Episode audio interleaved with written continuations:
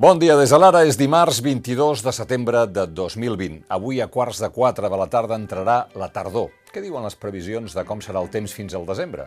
Miquel Bernis. A hores d'ara, els models de tendències apunten que el més probable és una nova tardor poc freda i potser amb pluges per sobre del normal de cara al novembre. De moment, el primer gir cap a la tardor ja és a tocar. El cap de setmana començarà amb una primera nevada al Pirineu, amb fort vent al sud i amb entre 3 i 8 graus menys que avui. Avui entra en vigor la llei de lloguer a Catalunya, o sigui que els lloguers que es firmin a partir d'avui ja hauran d'ajustar-se a l'índex que fixarà la Generalitat. I a Madrid, avui, el Consell de Ministres aprovarà el projecte de llei de teletreball. Teletreballen els que treballen a casa almenys el 30% del temps, aproximadament uns dos dies a la setmana.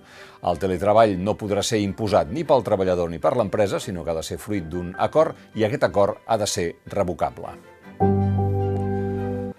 Junts per Catalunya i Esquerra negocien el paper que tindrà el vicepresident Pere Aragonès quan, hi hagi, quan hagi de fer les funcions de president, en el supòsit molt probable que el president Quim Torra sigui inhabilitat. Oficialment, Esquerra encara demana que Quim Torra convoqui eleccions.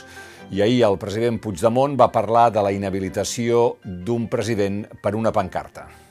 Inhabilitar un president de la Generalitat, com si fos un alcalde, tant se val, per una pancarta que clamava drets fonamentals, és una salvatjada democràtica. Dit això, la, de, la decisió que s'hagi de prendre ha de ser compartida amb tot el conjunt de l'independentisme, amb el president Torra també. Uh, I crec que per aquí hi ha una fil, hi ha una voluntat d'entesa per arribar a proposar una resposta tan institucional com ciutadana que s'escaigui uh, en aquesta eventualitat que tant de bo no es produeixi.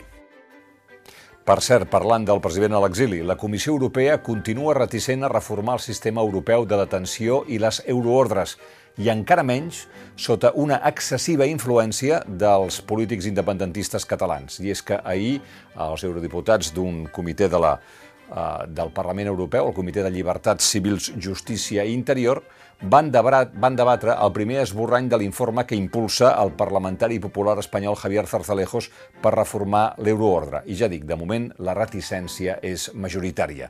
Mentrestant, el, la repressió de l'Estat continua i ahir l'exregidor de Sant Joan de Vilatorrada i Pallasso, Jordi Pesarrodona, va declarar davant del jutge que no va tenir res a veure amb l'organització de l'1 d'octubre i que va anar al centre de votació com un ciutadà més. Es va declarar víctima d'una persecució i les quatre persones que van tallar la ronda van negar a haver-hi llançat oli i van defensar el seu dret a participar en una vaga. Recordem que Fiscalia en demana penes de presó. L'Ernesto Ekaizer ens explica avui més detalls de la seva investigació sobre el sumari de les comissions milionàries del rei Joan Carles de Borbó. Es veu que el fiscal suís Bertosa va plantejar que Joan Carles declarés. L'advocat del rei emèrit va respondre que només tenia el número de la centraleta de la Zarzuela i que no tenia el número del telèfon personal del rei. Corina es va oferir a donar-li. El virus. El president Torra ahir va demanar controls de temperatura qui vinguin a Madrid i també ens va demanar que no hi anem el govern de la Generalitat de Catalunya recomana no viatjar a la Comunitat de Madrid en aquesta situació. Recomanem que no es viatgi a Madrid de cap de les maneres, excepte que no sigui per un cas realment excepcionalíssim i en totes les mesures de prudència. I ahir a la nit a Televisió Espanyola el va contestar la presidenta madrilenya Ayuso. Como Cataluña es España, le guste o no, somos un gran país. Yo lo que digo es que Cataluña ha pasado épocas muy difíciles y lo sigue pasando durante este verano y yo jamás haría estas declaraciones. Sí que le recomiendo y he recomendado a la gente que siga yendo a Cataluña, que siga apoyando a los catalanes y que lo hagamos con las mismas precauciones que en Madrid. Yo no me alegro por esta circunstancia cuando a ellos les ha ido peor, como tampoco me alegro de la fuga masiva de empresas, por ejemplo, a Madrid. No hago ese tipo de declaraciones. De tota manera, a Catalunya no anem bé. El president Torra va avisar que als parcs infantils i les terrasses s'hi concentra massa gent i encara que només el 4% de les escoles han hagut de tancar alguna classe, per tant el 96% fins ara no han tingut cap problema, el nombre de casos en què la canalla ha de deixar d'anar a l'escola i posar-se en quarantena a casa va augmentant. I aleshores ja es veu que les mesures que es prenen quan les dades de transmissió són bones no s'ajusten a la situació, com ara, quan comencen a ser dolentes, perquè acabem de dir que no anem bé. Però segons ha pogut saber l'ara, la Generalitat ha aprovat que les sales de teatre, cinema i de concerts de Barcelona i l'àrea metropolitana puguin tornar a obrir el 70% de l'aforament sempre que no se superi el miler d'assistents i tothom estigui assegut. Si una sala vol obrir el 50%, també podrà fer-ho, però no podrà acollir més de 500 espectadors.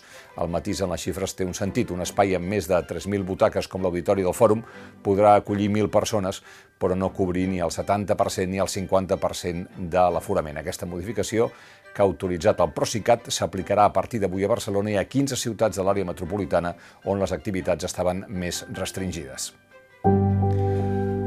I ahir va ser un dia de contrastos per la sanitat pública catalana. La mala notícia va ser la vaga dels MIR, els metges interns residents que se senten explotats, i la bona notícia va ser que 29 professionals inqüestionables de la sanitat a Catalunya han presentat al president Torra un informe independent amb 30 mesures per enfortir el sistema sanitari. Es tracta d'un guió que en el futur podrien aplicar governs de diferent signe polític perquè mai s'havia aconseguit un consens professional d'aquestes proporcions i d'aquesta qualitat. El sistema públic de salut va ser d'excel·lència, ho és encara en molts àmbits, en bona part gràcies al, als professionals que el sostenen, però, és clar, ni la clínica, ni la recerca, ni la societat, ni l'edat d'envelliment, ni els recursos són els de fa 37 anys quan es va crear l'Institut Català de la Salut. I per acabar una mica de moda, hi explicàvem que els Premis Emmy de televisió dels Estats Units s'havien lliurat virtualment, però això no va impedir que els convidats i aspirants a estatueta no es eh, posessin de gala. Doncs bé, avui el nostre estilista Joan Callarissa en fa una acolorida repassada dels models que s'hi van veure. I, per cert, sabeu qui són aquestes tres actrius? Doncs sí, són la, tres de les protagonistes d'un clàssic de la història de la televisió. Friends, d'esquerra dreta, Lisa Kudrow, Jennifer Aniston i Courtney Conox, que es van retrobar ahir a la gala. De fet, està previst que les tres es retrobin amb els seus companys masculins de la sèrie en un especial que rodarà quan el coronavirus ho permeti. Fins aquí les claus del dia. Tornem d'aquí uns minuts amb l'anàlisi de l'actualitat. thank